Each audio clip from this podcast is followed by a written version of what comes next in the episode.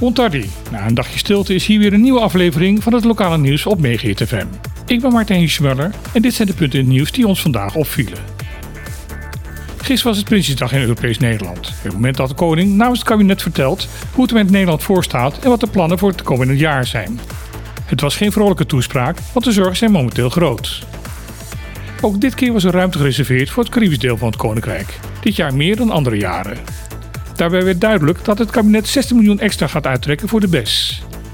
Dit om alle prijsstijgingen van de laatste tijd te compenseren en verhogingen door te voeren bij de pensioenen en kindbijslag.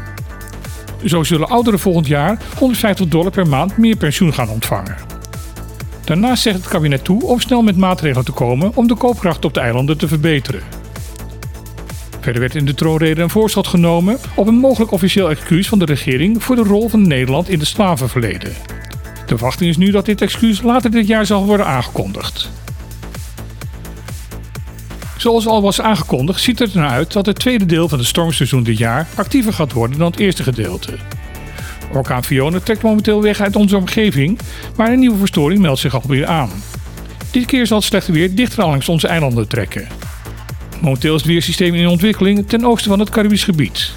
Het is niet de verwachting dat deze depressie in wording zal uitgroeien tot een zware orkaan, maar de mogelijkheid blijft natuurlijk altijd wel bestaan. De voorspelling momenteel is dat de huidige tropical wave vrijdagmorgen vroeg noordelijk van ons eiland zal gaan langstrekken. Wij zullen dit merken aan windstoten en zware neerslag.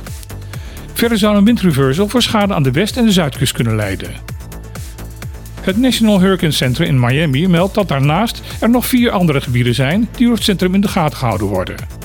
Deze gebieden liggen echter wel een stuk verder naar het oosten. Collegio Emmy Schermer is geen school, maar een specialistische voorziening. Dat werd duidelijk op een persconferentie die maandag door het Expertisecentrum Onderwijs Zorg Bonaire samen met het ministerie van Onderwijs, Cultuur en Wetenschappen was georganiseerd. Begin deze maand werd Bonaire verrast door het bericht dat het eiland er een nieuwe basisschool bij zal krijgen. Uit het persbericht van EOZ bleek er erop dat het een nieuwe school is waar kinderen die extra zorg bij hun leerweg nodig hebben worden opgevangen.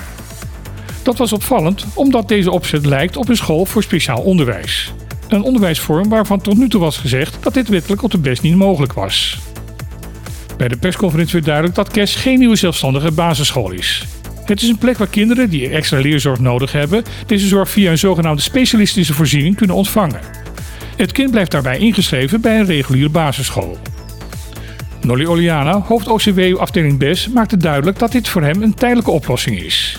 Zijn doel is dat uiteindelijk de wet gewijzigd zal gaan worden, waardoor ook op de BES-eilanden kinderen die dat nodig hebben gewoon speciaal onderwijs kunnen ontvangen. Hij waarschuwde wel dat deze wetswijziging nog jaren in beslag kan gaan nemen. Na tot nu toe tegengesputterd te hebben, lijkt het erop dat de coalitiepartijen NPB en UPB akkoord gaan met het openbaar maken van een drietal rapporten. Het gaat hierbij om de rapporten over de mislukte rotonde in de Kaai Amsterdam, het verslag over Bonlab en de vergunningverlening voor Sunset Beach Resort. Deze rapporten waren door het bestuurscollege in vertrouwen naar de Eilandsraad gestuurd. Daar besloten de coalitiepartijen deze rapporten niet openbaar te maken. Op dit besluit kwamen scherpe reacties vanuit de oppositiepartijen en de media. Hierbij werd ook de rol van gezaghebber Edison Reiner bekritiseerd. Hij had volgens de oppositie zijn bevoegdheid moeten gebruiken om de coalitie te adviseren de rapporten wel te openbaren. De coalitiepartijen hebben nu bekendgemaakt dat de rapporten worden openbaard wanneer daar de bedrijfsvertrouwelijke informatie uitgehaald is en de privacy gewaarborgd is. Dit was weer het lokale nieuws van deze woensdag op Megahit FM. We wensen u nog een hele fijne dag en graag tot morgen.